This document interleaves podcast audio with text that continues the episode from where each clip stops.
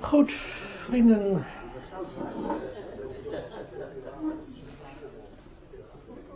Voor de pauze heb ik laten zien dat een Bijbelvertaling zoals die van het Nederlands Bijbels Genootschap, trouwens van de Statenvertaling precies zo, dat je eigenlijk uh, wel teksten leest, maar dat je maar af moet vragen of het er ook echt staat.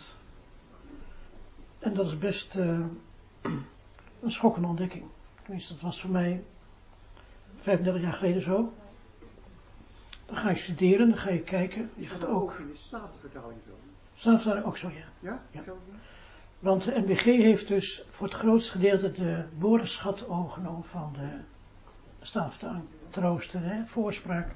Staat ook precies zo in, ook in de Statenvertaling. Ja. Dus het punt is nu van. Uh, uh, we gaan nu kijken of je. Uh, of je zelf ook iets kunt uh, zoeken. dat ga ik nu met, uh, met u doen. En dat gaat over de woord keus. Wat is dan concordant vertalen? Wat is ook hier in Ebenezer gebeurd bij de vertaalgroep? De, allereerst moet je dus een concordante grammatica hebben. Dat wil zeggen steeds dezelfde Griekse grammaticale woordvorm met één Nederlandse grammaticale woordvorm weergeven. En een concurrente vocabulaire, niet alleen een grammatica, maar ook een vocabulaire. En zo mogelijk, hè, zo mogelijk, steeds één Grieks woord met één Nederlands vertaalwoord weergeven. Dat lukt niet altijd, dat gaan we vanavond ook zien. maar je moet proberen. En daar zijn dus, daar is de vertaalgroep van EMS natuurlijk al heel erg lang mee bezig. Hoe lang wordt het? 25 jaar, 30 jaar? Zoiets, hè? Dus valt nog niet mee, ja? Dat wil ik ook vanavond laten zien, dat het dus niet meevalt, ja? En hoe komt dat? Dat zei ik voor de pauze, hoe komt dat nou? Omdat die taal dus al 1500 jaar dood is. En er, is en er komt nog een, vind ik, een, een factor bij. De literatuur die in het Nederlands is over het Grieks, buitengewoon slecht. Uh, complex, moeilijk toegankelijk, echt lastig. Dus je, dus je moet zelf elke keer het wiel opnieuw uitvinden. Gewoon, dat is heel vervelend. En als je dus meerdere Nederlandse woorden gebruikt voor één Grieks woord, dan kun je verwarring stichten. Dat gaan we dus nu, voor de pauze hebben we dat gezien. En we gaan nu proberen dus de on, uh, die dus is, gaan proberen te ontwarren. Dat gaan we nu samen doen. Een goed voorbeeld hiervan is het woord, Griekse woord synagoge. Betekent samenleiding, synagoge. Dit woord komt 56 keer voor in het Nieuwe Testament. En wordt door het MBG 55 keer met synagoge vertaald. En één keer met vergadering. Hier ziet u dan de concordant zoals wij dat noemen. Dat is in de professionele versie van ISA. Komt een, uh, zit een mogelijkheid dat je in één keer alle vertalingen ziet. Dus je ziet hier in deze concordant hoe het woord synagoge gewoon vertaald is in de MBG. Je ziet de rechterkolom. In de rechterkolom zie je het elke keer met synagoge vertaald is. Maar één keer met vergadering. Ziet u dat? Wat? Nee, nee, nee, maar ik laat even zien hoe je dat kunt gebruiken, ja. ja. Dus je ziet hier dat, dat hier dus één keer vergadering voorkomt. En dan kun je ook dat aanklikken. Je kunt dat aanklikken en dan kom je dus in Jacobus 2, vers 2 terecht. En daar staat dus geen synagoge, want er staat, want stel, er kwam in uw vergadering een man binnen. Ja?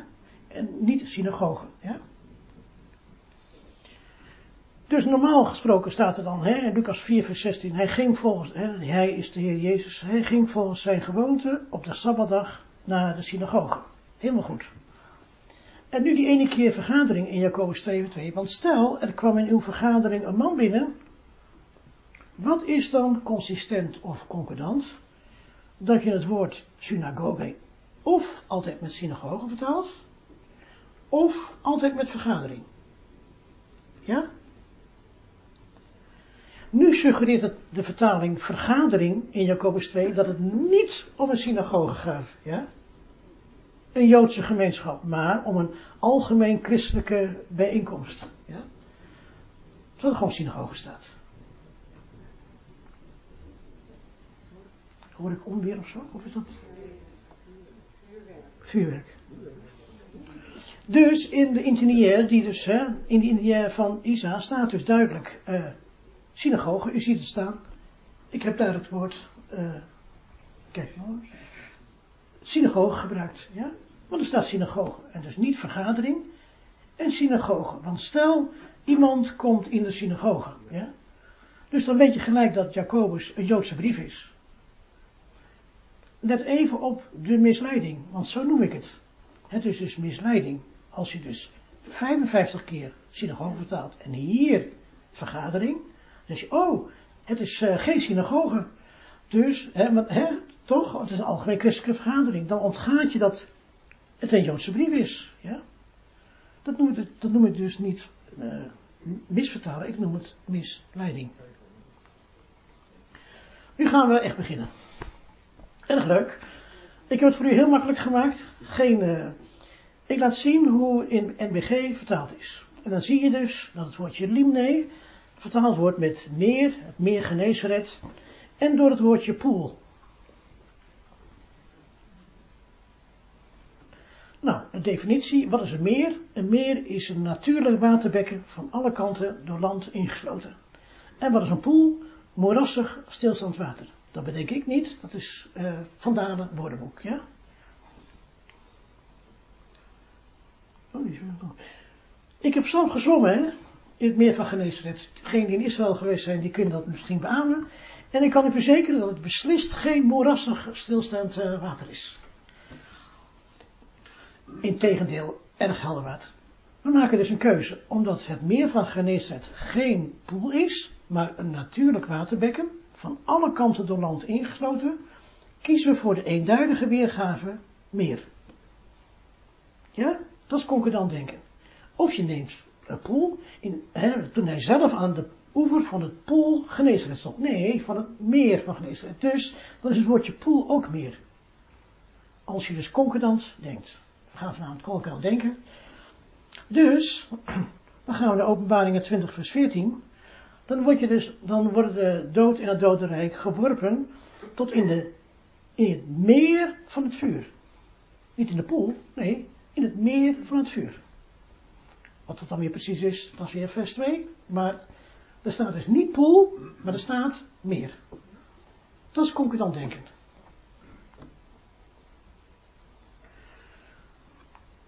Uh, als iemand bij de Bijbelstudie van André Piet is geweest van Matthäus 24 en die heeft over openbaring gesproken, dan uh, komt dit bekend voor. Hier komt het woordje chloros en dan staat er dus in Marcus 6 van 39 dat iedereen op het groene gras moest gaan zitten. En openbaring 6 vers 8 staat, er is een faal paard, ja. En dan openbaring 8 vers 7, een groene gras, ja. En het gras van de aarde nog aan enig uh, gewas. Welk woord past nu in alle versen? Vraag aan u. Welk woord past nu in alle versen? Uh, iedereen moest zitten op het gewasgras. Ik zie, uh, ik zie een gewaspaard. Uh, nee, hè? het woordje groen in alle teksten. Ja, zegt u maar. Er bestaat geen gewoon groen paard. Nee, in het dagelijks leven niet. Maar in een visioen wel. En openbaring 6, vers, openbaring 6 is een visioen. Trouwens, in vers 4 van openbaring 6 zag Johannes in zijn visioen ook al een vuurrood paard. Ja? Ik kan u vertellen dat een groen paard veel verschrikkelijker is om aan te kijken dan een vaal paard. Maar ik weet niet hoe u het overkomt, want ik zou er helemaal van schrikken van een groen paard. Maar, ja?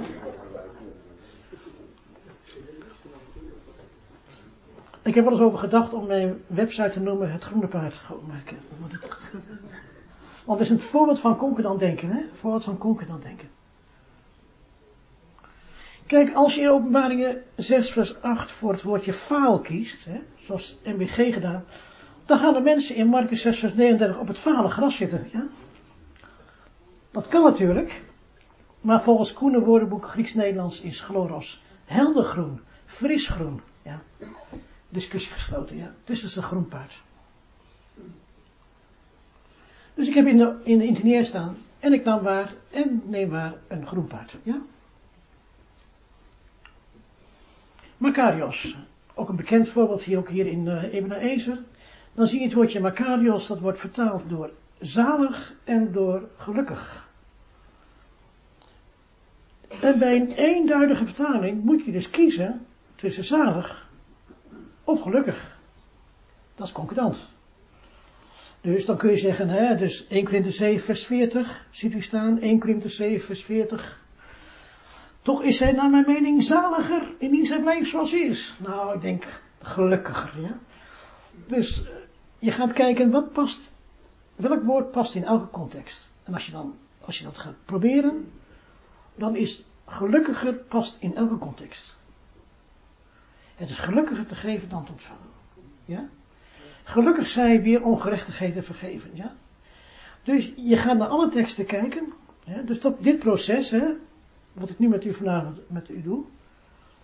Zo is dus ontstaan, ontstaat een uh, concurrente woordenschat. Dat hebben mensen van Ebenezer ook gedaan. Maar ik laat aan u zien hoe dat werkt. Dan neem je alle teksten die er zijn.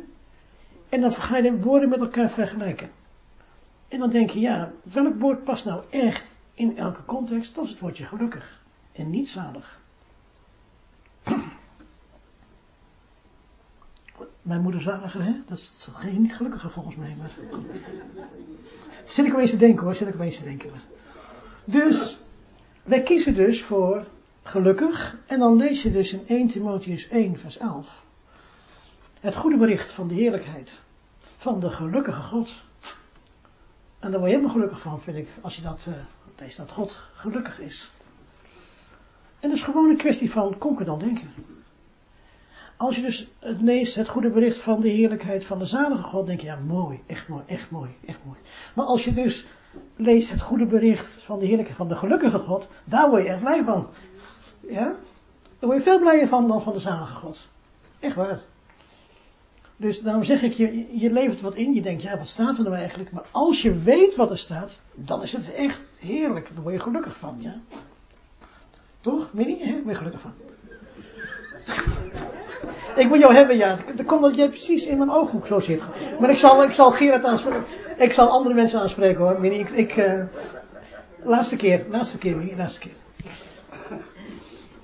Anomia. Anomia. Dat betekent anomia. En a betekent niet. En nomia betekent wet. Ja, dus niet wet. Nou, en dan is er uh, als volgt weergegeven wetteloosheid, hm. ongerechtigheid, oh, wetsverachting, waarom? Ja, snap je? Zo ga je kijken. Dat wat, wat past nou in alle contexten? Ja, dus als je zegt van oké, okay, dan staat er uh, in Timotheus 2 vers 14 om ons vrij te maken van alle ongerechtigheid. Nee, er staat wetteloosheid. Er staat geen ongerechtigheid. Dat is een ander woord. Dat is compleet ander Grieks woord. Dus als je dus concordant bent, moet je dus in elke regel dus wetteloosheid invullen. Ja? Die de wetteloosheid bedrijven. De van binnen zijt gij vol huichelarij en wetteloosheid. Dan wordt het vanzelf, omdat de wetteloosheid toeneemt. Zalig zij weer wetteloosheden vergeven. Eh, dus je kunt dan gewoon, dan ga je dus concordant invullen. Dat is een hele prettige bezigheid, kan ik u echt zeggen. Nou, en dan zeg ik ook in de vertaling van binnen echt serie borstval van huichelarij en van wetteloosheid. Dat is een beschuldiging van de Heer tegen de fariseeën. En waarom is dat voor de fariseeën zo heftig dat de Heer zegt dat ze vol wetteloosheid zijn? Nou, dat is het ergste wat je tegen de fariseeën kunt zeggen. Dat hij wetteloos is gewoon, ja. En dan, dan is het dus niet, wat er hier staat, wetsverachting.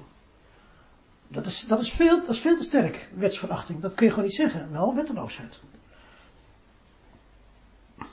Oké. Ook een heel leuk woord. Heidesis. Dat is echt leuk hoor. We moeten samen, echt samen met meekijken. Hier zien we uh, de zogenaamde partij van de Sadduceeën. Oké. Je hebt ook nog een partij van de Fariseeën. En je hebt een secte van de Nazoreërs. Die weg die zij een secte noemen. Dan zegt Paulus weer dat ik naar de meest nauwgezette partij geleefd heb. En dan krijg je weer wat deze secte betreft. Hé, want scheuringen moeten er wel onder u zijn. Ja? En Petrus dan, die verderfelijke ketterijen zullen er midden zijn. De zogenaamde ketterij van de Sadduceeën. Vind je die ook leuk of niet? Maar er stonden uit de ketterij van de Fariseeën enige op een stuk onzin. Ja? Dus je moet hier een woord kiezen. Nou? Dus je moet hier een woord kiezen. Nou, uiteindelijk heb ik gekozen voor groepering. De zogenaamde groepering van de Sadduceeën. Een eerste voorstander van de groepering van de Nazareërs. Die weg die zij een groepering noemen. En dan 1 Korinther 11 vers 19, want groeperingen moeten er wel onder u zijn. Nou, wijs mij een kerk aan waar we geen uh, groeperingen hebben. Gewoon, uh, dus, dus ik heb gekozen voor het woord groeperingen. Trouwens een buitengewoon interessante zin, die heel vaak verkeerd gebruikt wordt, want het is bindend groeperingen in jullie te zijn en geen scheuringen, hè? groeperingen, omdat ook de welbeproefden openbaar zullen worden in jullie. Buitengewoon interessante zin. Die wordt vaak heel erg misbruikt, deze zin. Maar bij de groeperingen, daar kan ik uh, mee leven. Dat je zegt van oké, uh, is de groepering van uh, Ebenezer, een groepering van uh, de christelijk gereformeerden. Ja, ja, goed. Deze ook erg leuk. Kakologeo. Kako betekent kwaad en logeo betekent zeggen. Nou, als je dan handelingen 19.9, dan staat het dat ze bleven kwaad spreken van de weg, dat is oké. Okay, kwaad spreken.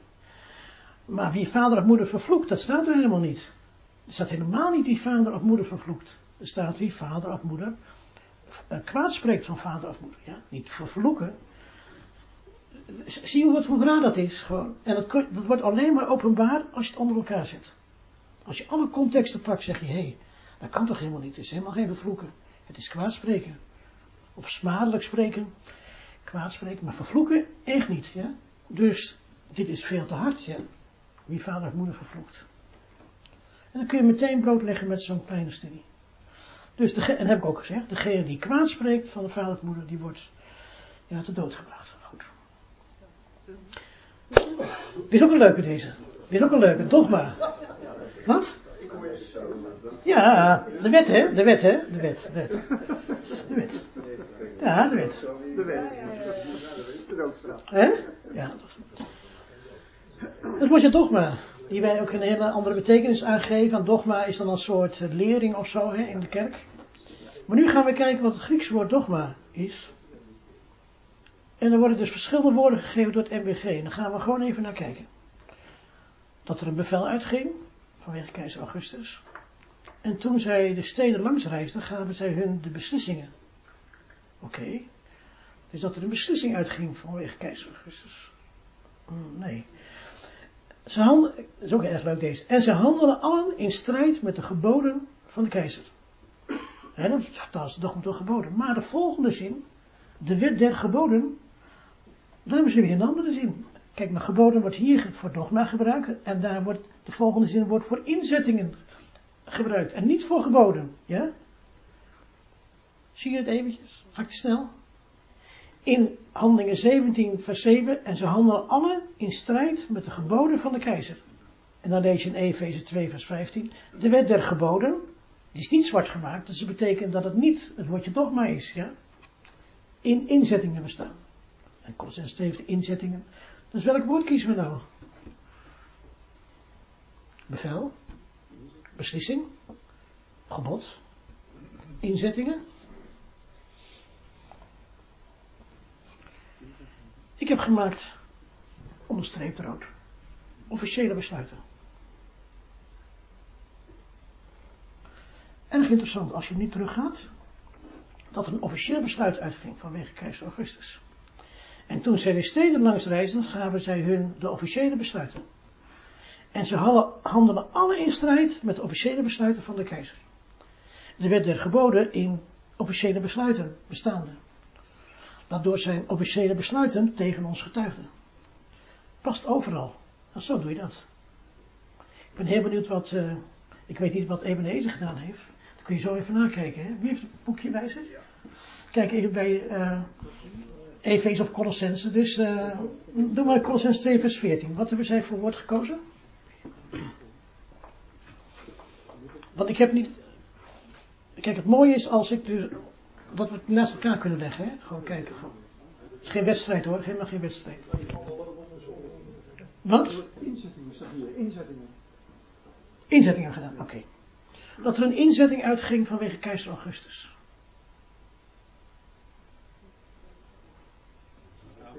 Hè? Raamwoord, hè? Goed luisteren, Ik is geen, is geen, geen kritiek of wat dan ook, maar je moet dus, het moet dus overal passen dus, ja? Dat is concordant, ja? Is het nadeel niet dat het woord officieel erbij zit, want dat verwijst naar een ambt? Ja, dat klopt ook. En je daar geen moeilijkheden mee verderop in de Nee, want, uh, want uh, het was een officieel besluit van het apostelconvent hè, in, in verhandelingen 15. Ja? Maar hadden de apostelen dan ambten? In hun, in hun visie wel, hè? Gewoon, zou ik maar zeggen. Gewoon. Maar goed, uh, maar wat ik ga doen nu is uh, het leuke altijd gewoon de, ik laat dus zien van hoe je daar dus mee kunt werken, ja? Gewoon. Dus ik heb gewoon officiële besluiten. Dit is ook een hele leuke, vind ik zelf. Want hier zie je een sum katitso, dat betekent sum betekent samen. En katitso is dus gaan zitten. Nou, en je ziet een informele vertaling en een formele vertaling. Dus toen zij een vuur hadden aangelegd en bij elkaar zaten, en bij elkaar zaten. En in Efees 2 vers 6 staat er dus, God heeft ons mede opgewekt en ons mede een plaats gegeven. Uh, maar je kunt ook zeggen dus, hè, als je dus die uh, tekst uit Lucas hebt, God heeft ons, uh, laat ons bij elkaar zitten. Snap je dat? God ons bij elkaar zetten. Dat is het inform, hè? Dus het ene is dus een informele uitdrukking en de andere is een formele uitdrukking. Ja? Maar het is natuurlijk allebei hetzelfde. Dus ik heb dan uh, en, en hij doet samen zitten. Ja? Toch het woordje samen. En niet een soort mede, maar samen. Want zoom betekent samen. Dus eigenlijk is het gewoon hier, hè, dus uh, God heeft ons mede opgewekt en ons samen een plaats gegeven. Ja? Want zoom betekent samen. Hij doet ons samen zitten in de ophemelsen enzovoorts. Deze is ook erg leuk deze. Sumgenes. U ziet dat het vertaald is met verwanten. Met nabestaanden. Bloedverwanten. Stamgenoten. Wat is het nou? Ja, daar hebben we het. Hè. En zie, Elisabeth, uw stamgenoot, denk het niet. Haar buren en stamgenoten horen, ja, denk het niet. Ik denk dat het verwanten is. Ja? Maar dan wordt het heel interessant. Want dan groet Paulus niet zijn stamgenoten, maar zijn verwanten. Ja? Dan zegt hij dus, groet mijn verwant Herodion en Timotheus en mijn verwanten, dat zijn dus gewoon bloedverwanten of familie. Uh, misschien uh, neven of weet ik veel wat, ja. Dus je kunt niet zeggen, ja, de ene noem ik, noem ik verwant, en de andere keer noem ik het stamgenoot. Nee, dat is gewoon, het is een verwant, ja. En dan zie je dus dat Paulus dus verwanten heeft, ook in Rome. Ja? Of waar hij, waar aan wie hij schrijft. Ja? Snap je wat ik bedoel? Stamgenoten waren eerder. Hè? Stamgenoten waren eerder in de tijd. Toen leefde men nog in stamgenoten. Ja, ja, ja, precies ja. Ja. Dat was ja. Maar als je dus, als je zo'n woord zoekt wat in al die contexten moet passen, ja, dan past alleen maar het woord nabestaande. Want je kunt niet zeggen dat Paulus zegt, groet mijn nabestaande Herodion. Ja. He, dus verwanten, he, dan is deze ook in Lucas 2. En ze zochten hem, dat is de Heer, gewoon onder de verwanten en bekenden. Ja? Dus dan is het woordje verwant. En dan zie je dus dat Romeinen een veel persoonlijke brief nog is. Omdat hij dan zegt, groet mijn uh, verwant Herodion. Ja? Snap je? Dat is, vind ik... Maar verwant ben je toch, wij zijn ook met elkaar. Nou, Dan ga je zelf uh, tegen mij praten. Nee, een grapje. Maar ik bedoel... ik zou niet meer tegen je praten gewoon.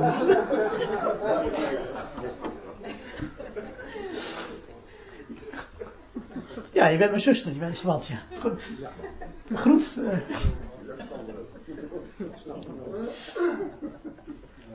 Dit is een mooie. En hier heb ik dus uw hulp bij nodig. Want dit is het woordje hypostasis. Dat is een erg lastig woord. Want ik lees even met u voor. Dan zegt Paulus in 2 Korinther 9, opdat wij niet in deze stellige verwachting zouden beschaamd worden. Zegt hij in 1 Korinther, 2 Korinther 11, aangenomen dat wij mogen roemen. En dan staat er opeens in 1, Hebreeën 1 vers 3, uh, de afstraling zijn de heerlijkheid en de afdruk van zijn wezen. En dan 3 vers 14, mits wij het begin van onze verzekerdheid onverwrikt vasthouden. En dan de beroemde 11 vers 1, het geloof nu is de zekerheid de dingen die men hoopt. Prachtig. Maar het is zo niet zo. Dat is, dat wat anders natuurlijk. Ja. Want we gaan nu kijken hoe dat dan werkt. Nou, hoe werkt dat? Nou, ik heb met André Pieter over het woordje hypostasis gesproken. Want toen zei hij, volgens, voor mij is het echt veronderstelling. Prima, heel goed. Maar nu krijgen we dus een, een, werkwoord. Uh, wat ik dus uh, menen, hè, dat is dus veronderstellen. Hè. Dus ik heb het woordje veronderstellen gebruikt voor nomizo. Dat betekent, dat kan ik ook bewijzen, maar dat betekent dus dat hypostasis dus geen veronderstellen is, omdat nomizo al veronderstellen is. Dus je kunt geen woord meer voor een ander woord gebruiken. Ik zeg, sorry André, maar uh, ik kan het niet gebruiken, want ik heb het voor een ander woord gebruikt. Dus je kunt zeggen, ja, dan doe ik, gebruik ook voor dat woord. Nee, dat kan dus niet. Oké, okay, het even vasthouden. Dan ga ik even terug. Want het geloof is de zekerheid van de dingen die men hoopt. Prachtige tekst. Het staat er alleen niet. Want zekerheid is een ander woord. En dat zal ik jullie laten zien. Dan zegt er in Lucas 1 vers 4, opdat jij zal beseffen, uh, aangaande dingen die je hebt onderricht, de zekerheid daarvan. En zekerheid is asphaleia. Er staat een paal boven water dat asphaleia zekerheid is. Dus kan dus uh, in Hebreeën 11 vers 1 nooit hypostasis zekerheid zijn. Als asphaleia zekerheid is, dan is hypostasis geen zekerheid. Anders krijg je spraakverwarring. Dus dat, is een, hè, dus dat, moet je, dat moet je even goed zien. Als asphaleia absoluut zekerheid is, dan is hypostasis geen zekerheid. Dus dan moet, staat dus wat anders. En wij zeggen altijd, dat is een gevleugelde uitdrukking, dat ik denk dat de vertaalteam het ook elke keer zegt. Concordant werken snij je in je eigen vlees. En dat is echt waar. Dan heb je een prachtige oplossing bedacht. En dan klopt het in één context klopt dat niet. Dan moet je in je vlees en zeggen, ja, jammer, kan niet. Ja? Dus je bent eigenlijk heel erg scherp bezig als je met deze dingen bezig bent. Maar je kunt niet zeggen, ja, ik doe een beetje water in de wijn. Ja, kun je wel doen, maar dan smaakt het niet meer. Eh, dat kan niet. Dus Hebreeën 11 vers 1 staat niet, het geloven is de zekerheid der dingen. Staat er niet, want zekerheid is asphaleia. Dat heb ik in Lucas 1 vers 4. Dan zegt uh, Lucas dat, dat je de zekerheid van de, van de woorden, als, ik kan nog veel meer, meer teksten noemen, maar ik laat even zien, dat zo werkt het dus, ja. Dan staat hier ook, uh, opdat wij niet in deze stellige verwachting zouden beschaamd worden. Hè? 2 Korinther 9 vers 4, stellige verwachting. Verwachting is een ander woord in het Grieks, namelijk prosdakias. Ja? Dat zit hier ook in het woord onderstreept. Dus dat is ook niet goed, die zin. Dan zijn wezen. En ik heb toen gekozen voor het woordje aanname. Waarom heb ik dat gedaan? Als je teruggaat, in 2 Korinther 11 vers 17 staat er aangenomen dat wij mogen roemen. Dus, nu ga je dat woordje aanname dus overal invullen. En dan klopt het dus in elke zin. Het is alleen een beetje vreemd, omdat je het niet gewend bent. Maar nu ga ik het even aan u laten zien. Kijk hoor, ja, ja. Die. Dus, Christus, over Christus gesproken, die de afstraling van de heerlijkheid is en de afdruk van de aanname van hem. Wat betekent dat?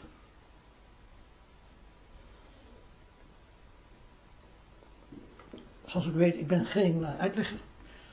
Maar ik denk dat het iets betekent van dat je dus aanneemt ja, hoe God eruit ziet. En daar is hij een afdruk van. Ja, ik weet ook anders ook niet. Het is een hele nieuwe gedachte, maar er staat zeker niet de afdruk van zijn wezen. Absoluut niet. Ja. Dus het woordje aanname. En dan krijgen we dus de tekst van Hebreeën 11 vers 1. Het geloof is nu de aanname van de dingen die gehoopt worden. Want je neemt het aan. Begrijp je wat ik bedoel? Je neemt het aan. Dat is een definitie van geloof. Wat is geloof? Je neemt aan dat het zo is, ja? Dat, dat is geloof. Dus niet de zekerheid van de dingen. Nee, het is de, is de aanname van de dingen die, die je hoopt, ja? Dat is, dat is, de, dat is geloof. Een aanname. En zo, dat is, dit is, is dus concurrent denken.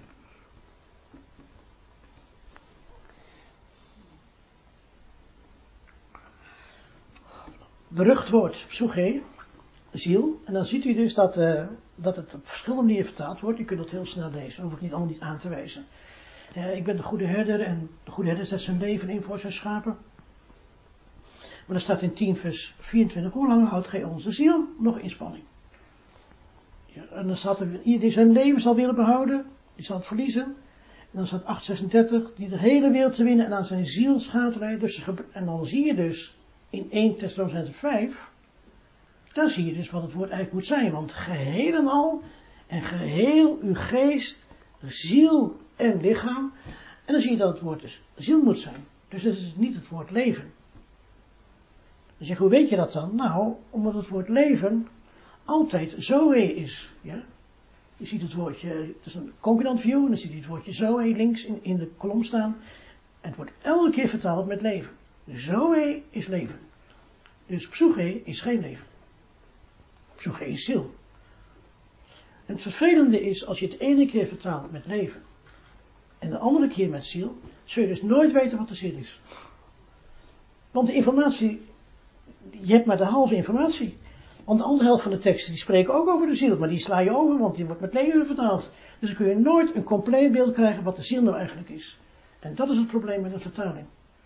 Dus als ik zeg, nou, ik wil, ik wil nou echt nou eens weten wat de ziel is, nou, dan moet ik alle passages opzoeken waar het woordje ziel staat. Maar in de vertaling staat heel vaak leven. Dus die, die, mis je dan. Snap je het probleem? Dat is echt een probleem. Want dan, dan mis je gewoon dingen, eh, essentiële informatie, want het wordt er met leven vertaald. Nou, deze ook, hè. Dus, eh, eh, ik heb met anderen heb ik dat voorbereid. Dat is allemaal denkertjes zijn het hoor. Allemaal denkertjes zijn dit. Nou. Hierom heeft de vader mij lief. Niet omdat ik mijn leven afleg. Nee, ik leg mijn ziel af. Wat is dat dan? Kijk, leven afleggen kunnen we nog begrijpen. Ja, oké, okay, ga dood. Maar nee, hij legt zijn ziel af. En dan, ja, ik maak altijd een flauw grapje. Ik maak een flauw grapje ook even. Dus ik hoef gelukkig niet te weten, want het is, uh, het is voor de Joden. Johannes is uh, voor de Joods, wij, uh, Paulus uh, wel. Dus dan maak ik me ervan af, hè. Ik maak me ervan af, hè. Maar ik bedoel, wat betekent dat nou? Dat hij, hij en er staat niet één, hij legt zijn leven af. Er staat, ik plaats mijn ziel. Dus er staat helemaal niet dat ik mijn leven afleg. Het woord ziel, de grote, grote, grote bezwaar dat we niet weten wat ziel is. En dat het een zeer omstreden woord is, ook uit de filosofie en de theologie. Ja. Dus ja, als je zo'n woord gaat gebruiken, je, je stopt er een, een bak begrippen in, nee. je helemaal niet wilt. Ja, nu zeg ik tegen jou, nu praat ik met jou als een komende broeder, ja. Alle passages waar het woord ziel in voorkomt, die zoek je eens op. Maar dan moet je dus niet naar je vertaling gaan. Je moet naar de, de Griekse tekst gaan. En daar moet je alle plaatsen waar het woord ziel staat. En daar moet alle informatie in staan die God ons wil duidelijk maken. Maar als je met iemand over ziel praat, ja, dan, dan, dan krijg je die hele. Ja, ja maar, maar ik praat niet. Ja, maar ik, ja, dat, uh, ik ben een beetje vreemd, maar dat, uh, ik praat nooit met mensen erover. Want ik weet gewoon dat het eindeloos is. Ja? ik denk gewoon, ik wil gewoon weten wat het is en ik zoek het net zo lang op tot ik het, tot ik het weet. Ik weet het ook niet. Ik zeg alleen maar dat hier dus niet staat, omdat ik mijn leven afleg. Dat staat er dus niet. Er staat, ik plaats mijn ziel. Is het niet gewoon zo? Toen God Adam vormde, Ja, toen was die, uh, die had, leefde die gewoon nog niet. Nee. Maar hij ging pas leven, hij werd pas een levende ziel, God in zijn leven uitbiedt. Mhm. Dus als jij de laatste adem uitblaast, Ja, dan is je ziel in het ongeziene, want het is er gewoon nee, maar nu, nu, nu ga Je, ik... ziel, je bent alleen maar een ziel als je die leeft. Ja, maar wat betekent deze zin nou? Dat hij, de Heer Jezus zegt van, ik plaats mijn ziel. Nee, mijn psyche. Nee, mijn ziel. Ja, Ja, dat is het tweede punt. Nou dan zeg ik van, uh, tisemi te psyche, zeg ik dan. Gewoon, dan zeg ik, praat ik gewoon Grieks, maar... Ja, maar, ehm goed. Dus ik wil alleen, alleen hiermee zeggen van, dat als je echt wil weten wat, wat de schrift zegt over ziel, kom je dus niet uit met een vertaling. Want er staat dus heel vaak leven. Dat is eigenlijk wat ik wil zeggen. Want leven is zoe. Ja. Skene vind ik ook leuk. Er staat tenten. En je ziet ook het woordje hut. En je ziet het woordje tabernakel. Dus we weten dus wat een tabernakel is. Toch? In het Grieks. Wat is een tabernakel? Dat is een tent. Maar het interessante is dat dan, hier staat er ja, toen uh, God sprak die Mozes ontving, toen hij de tabernakel zou gereed maken. Ja. En dan staat er onder een tent genaamd de Heilige, dan niet weer tabernakel, dus hè, wat is het nou? Het is een tent. Maar dan is interessant dat God zal weer de tent van David uh, opbouwen. En niet de hut. Ik zeg ja, nee, dat is wel verschil. Een tent of een hut is wel verschil. Ik vind hut ook een beetje een raar woord hoor. Hut. Even zoiets van, nou ja, wat wij als kinderen ook maakten, hè? gewoon van, uh, van takken en zo, een hut. Maar er staat dus tent. We gaan nu kijken hoe in de MBG-vertaling éénzelfde Nederlands vertaalwoord bij verschillende Griekse woorden gebruikt wordt. Het woord kind wordt in de MBG gebruikt voor vijf verschillende Griekse woorden. Pais, Wios, Nepios, Brevos en Techno. Eerst wordt pais. Er staat dus jongens, er staat woord knecht, er staat dienaars, kinderen, kind, knaap, slaaf en jongen. Wat is het nou? Ja? Gooi maar in mijn pet, hè? Zeggen we dan. Gooi maar in mijn pet. Wat is het dan? Want slaaf en dienaar zijn twee verschillende woorden. Dienaar is diakonos en slaaf is doulos. Oké. Dan houden we over knecht en jongen. Een kind, een knaap. Nou, wat wordt het? Het wordt uh, de jongen. Ik zal straks uitleggen waarom het de jongen wordt. En die past dus in alle context. Om al die jongens van twee jaar oud. Heer, mijn jongen ligt thuis. Want, ja, zegt nee, knecht. U weet misschien, uh, in het Frans, garçon, betekent jongen. Zeg je dus tegen de, tegen de serveerder, ja. En de, uh, geen fijn voorbeeld natuurlijk, maar de Zuid-Afrikanen zeggen tegen hun huisdien ook boy, weet je wel, dat betekent jongen. Ja? Dus dat in het Nieuwe Testament ook. Heer, mijn jongen ligt thuis. Hij zei tot zijn jongens, ja, dat, dat, een boys. En de jongens die in de tempel riepen, doen meestal jongens, hè, die, die roepen meestal, meisjes niet zo, maar jongens roepen in de tempel, ja, gewoon, uh, qua jongens, ja. Daarom heet het ook qua jongens, ja. Dus het woord jongen. Wios, heb je zoon en kinderen. Wat is het? Nou, dat weten we natuurlijk wel. Het is zoon. En dat is erg interessant. Want het, het, een zoon is dus een, uh, een titel. Waarom is een zoon een titel? Omdat het de erfgenaam is. Ja? Jozef, zoon van David. Dan zegt de Heer, omdat gij zonen mocht zijn van uw vader. Dan zeggen de dames, ja, wij horen toch ook bij. Ja, maar dat is een titel, ja. En niet zozeer een seksonderscheid. Dus welk mens, hè, dus, maar de zonen van het koninkrijk, ja. Want gij zijt allen zonen van het licht. Dus het hier is zoon. Daar heb ook het genomen, want jullie zijn allen zonen van het licht en zonen van de dag. Dat is een eretitel. Lipios. Kinderkens, kleine kinderen, zuigeling, kind, onmondig. Wat is het? Nou, ik zal u maar uit de droom helpen. Het is onmondig. En dan zegt de Heer dus dat gij deze kinderen aan onmondigen geopenbaard hebt. Uit de mond van onmondigen en zuigelingen. Die nog van melk leeft, heeft geen weet, hij is nog een onmondige. En dan zegt Paulus dus in 1 Corinthië 13, toen ik een onmondige was, sprak ik als een onmondige, voelde ik als een onmondige, ja. En dat is veel sterker dan als een, dan een kind, hè. Want dan denk nou ja, kind. Nee, onmondige. En dan zie je ook in Gelaten en Efeze dat het onmondig is. Dus, dan zegt de Heer, jij onthult de dingen aan onmondigen. Die nog niet mee mogen spreken. Ja, daar komt het op neer. Onmondigen is, dan mag je niet meespreken. Goed. Ik wou een grapje maken, maar niet. Brevos, brevos, brevos. Het kind, kleine kinderen, zuigelingen, kindsbeen af, kinderen. Wat is een brevos? Een brevos is een baby. En dan logisch, het schier dat eh, de baby opsprong in haar schoot. Gij zult een baby vinden in doeken gewikkeld.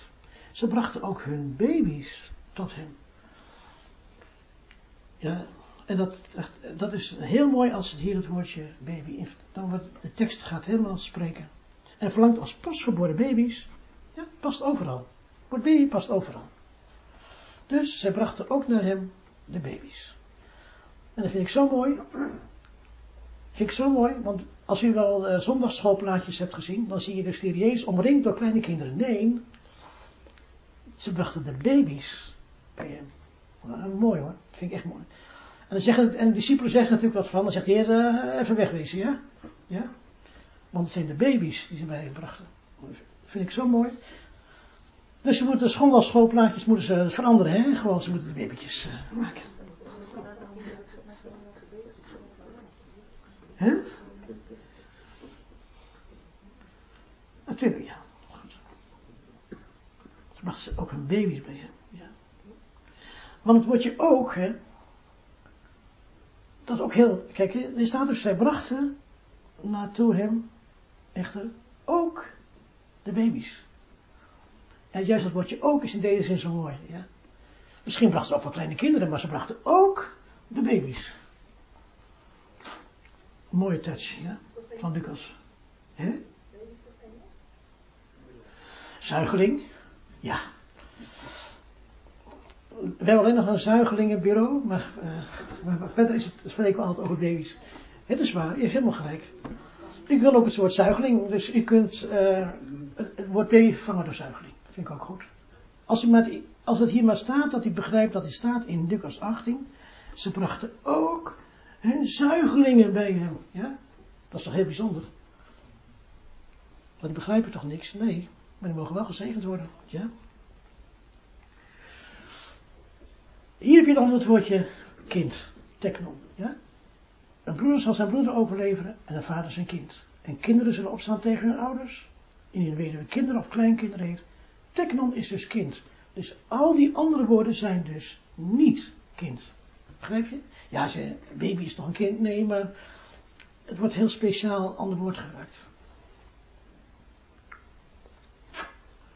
Ja, oké, okay, vader zijn kind. Oh ja. Hier heb ik u nodig. Nee, geen grapje, hier heb ik u echt nodig. Ex, ex homo. En heb ik, ik heb namelijk iets gedaan wat ik normaal niet doe. Ik heb namelijk niet één woord genomen, maar meerdere woorden. Dus je moet mij echt helpen. Want ik weet geen goed woord ervoor. Dus ik ga nu even deze zin doen. Matthäus 3 vers 6. Ze liet zich door hem dopen onder beleidenis van hun zonde. Dan staat er in Matthäus 11. Ten dien tijde hief Jezus aan en zeide, ik dank u vader, hé, hey, ik dank u. Dan krijg je weer een beleidenis, nog een keer dank u, en dan krijg je Lucas 22, hij stemde daarmee in. En dan krijg je weer een keer beleiden, en dan krijg je Romeinen 14, alle tong zal God loven. 15 vers 9, ik zal u loven. Dan krijg je weer beleiden, nog een keer beleiden, nog een keer beleiden. Nou, wat is het nou? Is het nou beleiden? Is het nou danken? Is het ermee instemmen? Loven? Wat is het nou? Ja. Hè? Ja, wat betekent dat? Heel goed. Juist, juist, juist. Heel goed. Dat wilde ik horen. Nou, dan zie je onderaan staan, ex homologio, helemaal onderaan. Dat betekent uit, gelijkend. Dat betekent iets wat erop lijkt, gelijkend. Leggen. En dat betekent uit, gelijkend, zeggen. En toen heb ik drie woorden genomen, nou, dat is natuurlijk helemaal niet goed. Openlijk beleiden, toejuichen, instemmen. Nou. Dan hebben we nog een keer dat rijtje. Wat is het nou? Is het nou openlijk beleiden? Is het nou toejuichen? Is het nou instemmen? Of hebben we een ander woord? Kijk, wat je kunt zeggen, hè. Dus, eh, ik bedoel, tijd hief Jezus aan en zeide, ik dank u vader. Je kunt niet zeggen, ik beleid u, kan. Ik beleid u openlijk vader, kan. Kan. Maar, de lastige zin is dus Lucas 22 vers 6. Dat is de lastige. Want daar staat dus, hè, was Judas is dat hè, Judas. Die, die spraken ze af van een, uh, je krijgt 30 zilverlingen, daar staat er dus. En hij stemde daarmee in. Is dat openlijk beleiden? Is dat toejuichen? Dat is lastig. Dus ik vraag nu aan u, ja, ik ben niet op voorbereid natuurlijk, maar wat voor woord moet ik nou gebruiken? Dat vind ik echt lastig. Zal alle tong God openlijk beleiden? Kan. Daarom zal ik u openlijk beleiden onder de heiden. Kan ook. Dus openlijk beleiden kan heel goed, behalve bij 22.6 van Lucas. En hij beleed openlijk wat hij tegen Wat, wat zou het kunnen als je met die uh, fariseeërs uh, die zeggen, jij moet zoveel geld krijgen? Ja, en dan, zegt, dan staat hier, en, en, en Judas stemde daarmee in. Met dat bedrag. Ja, hardop. Ja, dat is Ja. goed. Ja. Maar zeg, kun je dan zeggen, hij beleed dat openlijk? Hè? Openlijk instemmen. Openlijk instemmen. Hmm. Wie heeft uh, goed? Daarom zal ik openlijk instemmen onder, onder de heiligen. Dus ik heb, dus ik heb gewoon, ja, ik, ik dacht, wat moet ik daarmee? Dus wat heb ik toen gedaan? Dus alles waar beleiden stond, heb ik gezegd, openlijk beleiden, omdat het ex homolegio is. En ex betekent vanuit. Dus je, je beleidt, of je zegt hetzelfde, vanuit. Dus eigenlijk zit vanuit hetzelfde zeggen. Dat betekent eigenlijk het woordje ex homolegio. En dan het woordje beleiden zit een, ja, is een beetje, hoe noem je dat? Een uh, beetje religieus uh, randje aan, maar oké. Openlijk beleiden. Wat? Is dat in principe ook. Vanuit, vanuit in. Maar kun je zeggen van, kun je zeggen dat ze liet zich door hem dopen onder instemming van hun zonden? Erkenning. Hè? Erkenning. Alleen erkenning wordt voor een ander Grieks gebruikt. Lastig hè? Nou, dat is nou, ik, waarom, laat ik, waarom laat ik u dit zien? Ja, ook om te laten zien dat ik zelf niet zo slim ben. Nee, maar ik laat u zien. Ik laat u zien waar dus Ebena Ezer zo lang mee zit te worstelen. Hun vertaalteam. Ja, want je komt dit tegen. Ja, hoe vertaal je dat dan? Eenduidig? Daar hebben ze echt hele vergaderingen over. Ik, ik heb me laten vertellen dat ze over één zin was een hele avond zitten met elkaar vergaderen. En waarom? Ja, je moet, je moet keuzes maken. Ja, maar je kan die keuze maar één keer maken, want dan druk je het. Dan is het gedrukt. Dan heb je een probleem, ja? Toch? Hè? Oh, voorbaat. Onder constructie, ja. Zie je hoe lastig dat is? Want dan denk je van, nou, dat is toch simpel? Nee, want die woorden, die, die zijn gewoon, ja. En je kunt niet zeggen, ze lieten door hem dopen, lovende hun zonde. Nee, maar loven is een ander woord. Dus loven valt af. Loven valt af, danken ook, valt ook af. Het zijn andere Griekse woorden. Dus je had over beleidenis, eh, instemmen. Dus, daarom zal ik u instemmen onder de heidenen. Lastig hè? Echt lastig dus. En je bent ook gewend aan foutteksten, want die tekst van elke tong zal God loven. Amen. Ja, elke tong zal God loven, maar misschien staat er niet. Misschien staat een ander woord. Nou, dat is het probleem. Waar even, ik wil dit probleem even laten zien. Waar even naar Ezel vertaald in mee worstelt. Ik denk, het hoeft toch niet zo lang te duren? Ja, ja. Je kan niet zomaar wat zeggen. Snap je? Ook een hele goede punt. Maar dat betekent dus dat we dus een, dan kunnen heel, je kunt een hele bijbelstudie houden alleen over dit woord, de hele avond. Hè? Is dit wel opgelost? Hè? Is dit wel echt opgelost? Nee, ik heb er een vraagteken bij gezet. Wat zie je in het vraagteken staan? Openlijk beleiden, toejuichen. Want ik, kijk, ik heb woorden gebruikt die dus nergens anders voorkomen. Hè? Dus openlijk beleiden komt nergens voor. Toejuichen is geen ander Grieks woord voor. En instemmen ook niet. Dus ik heb drie woorden gekozen die nergens anders voorkomen. Dus dan heb ik beleidnis, heb ik gezegd, openlijk beleiden. Uh, uh, en loven is toejuichen. Hè? Je dan het woord erkennen dan niet terughalen. Een hele goede vraag, hè? Kijk, we hebben het vanavond over woordkeus. Heel goede vraag. Jij zegt van, kun je het woord erkennen dan niet? En dan valt het hele bouwwerk in, hè? Ja, snap ik. Snap je dat? Dus je moet je voorstellen, dat er ongeveer 5500 woorden. Het zijn 4500 verschillende Griekse woorden in het Nieuwe Testament. 5500. En elk woord moet een unieke betekenis hebben. Dan moet je een uniek woord geven in het Nederlands. En als je aan één woord gaat schrijven, valt het hele zaakje in elkaar. Verschrikkelijk. Een nachtmerrie is dat hoor, echt waar. Stel dat je, dus, je hebt een woord gevonden voor een Grieks woord. Ja. En op een gegeven moment staat je op iets waar het beter op staat. Ja, dan moet je alles veranderen. Ja. En daarom zijn ze al 30 jaar mee bezig. Dus ik wil, dus ik wil uitleggen aan jullie, hè. Want zeg ze tegen mij ook, ja, dat doe je, eh, doe je toch even? Nee, die mensen zijn al 30 jaar bezig. En heb je nog mensen die nog op de commas en de punten moeten moet letten, ja. Dat is een, klus hoor. Dat een klus, ja. Dat, dat, doen, dat doen we zo makkelijk over, maar het is verschrikkelijk moeilijk dus, ja. Want neem nou dit woord. Ja, ik, je weet al wat het betekent. Het betekent vanuit, hè, vanuit jezelf, hè, vanuit je hart of vanuit jezelf, hetzelfde zeggen. Dus bijvoorbeeld, iemand zegt tegen mij, jij bent een echte, eh, iemand zegt tegen mij, je bent een echte suffert. En dan zeg ik, echt oprecht vanuit mijn hart, ja, ik ben een suffert, ja. Dan zeg je dus uit mezelf hetzelfde. Dat is het eigenlijk. Alleen in die context is het echt moeilijk. Snap je? Maar ook even laten zien om even begrip te kweken voor uh, het vertaalteam van uh, Ebena Ezer. En dat zijn hele gewetensvolle mensen. En uh, het moet allemaal kloppen. Ja, nou, dank je koekoek weer. Gewoon, ja, goed.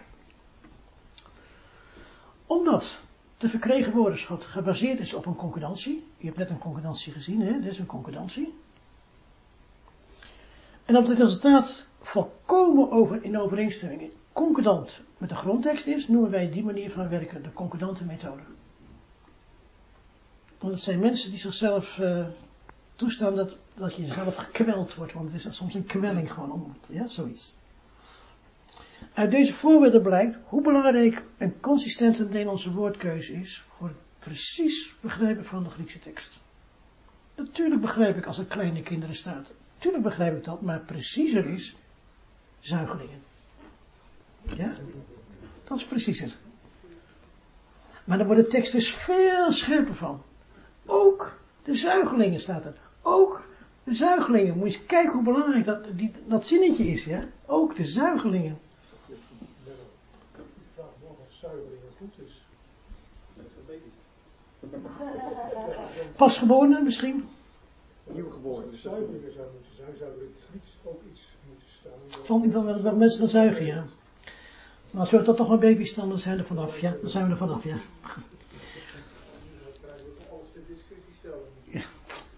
ik heb speciaal voor jullie dit gedaan, hè. Speciaal voor jullie, ja. Het mogen eveneens duidelijk zijn dat de publicatie van de Nederlandse ingenieur van op ISA niet het einde van alle tegenspraak is, ja. Integendeel, het is heel goed mogelijk dat je na uitvoerig gebruik en studie tot de conclusie komt dat een bepaald vertaalwoord in interneer misschien niet juist gekozen is. Wat jij ook zegt. Ja? Bedenk dan dit. Bedenk dan het volgende. Het door jou gekozen vertaalwoord mag niet voor een ander Grieks woord gebruikt worden. Dus als je zegt erkennen, en dan zie je dus dat je het erkennen gebruikt voor een ander woord, mag je het niet weer gebruiken. Of dan moet je weer af gaan wegen. Het door jou gekozen vertaalwoord moet perfect in alle contexten passen. Anders klopt het ook niet. Het door jou gekozen vertaalwoord moet ook binnen het betekenisgebied van de standaard vallen. Ja? Dus je kan niet zeggen als het van, van binnenuit komt, kun je niet zeggen het gaat naar de binnenkant toe. Dan, dan draai je het om. Dus het moet binnen de standaard passen. Van de standaard betekenis. Ja? Nou, als je dat doet. Oh kijk.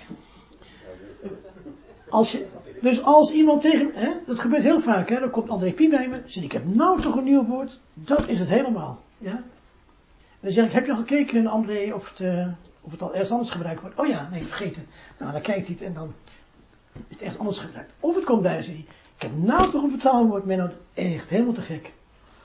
En dan gaan we het doen en dan past hij in alle contexten. Ja, jammer. En soms komt hij met een woord en verdraait. Hij is beter. Nou, dan veranderen we het. Dat is toch, ja. Want samen weet je het, hè? Gewoon samen weet je. Dus ik ben heel benieuwd, ga ik je zeggen, en dat meen ik echt. Ik hoop echt uh, dat Eben en Ees op een gegeven moment met een compleet werk komt. Ja? Want dan, kun je, dan praten we ergens over. Ja? Dan, dan kunnen we zeggen van, hoe, heb jij, hoe hebben jullie dat gedaan? Hoe heb ik dat gedaan? Oh, jullie hebben veel beter gedaan. Nou, dan neem ik het van jou over als het mag. Ja? Dus mijn internieer ook mijn presentatie is niet het einde van alle tegenspraak. Het is gewoon een voorzet. Ja? En jullie moeten hem inkoppen natuurlijk, maar zo zit het eigenlijk. Ik zie dat het tien uur is. Dus ik wou hier ook mee uh, afsluiten.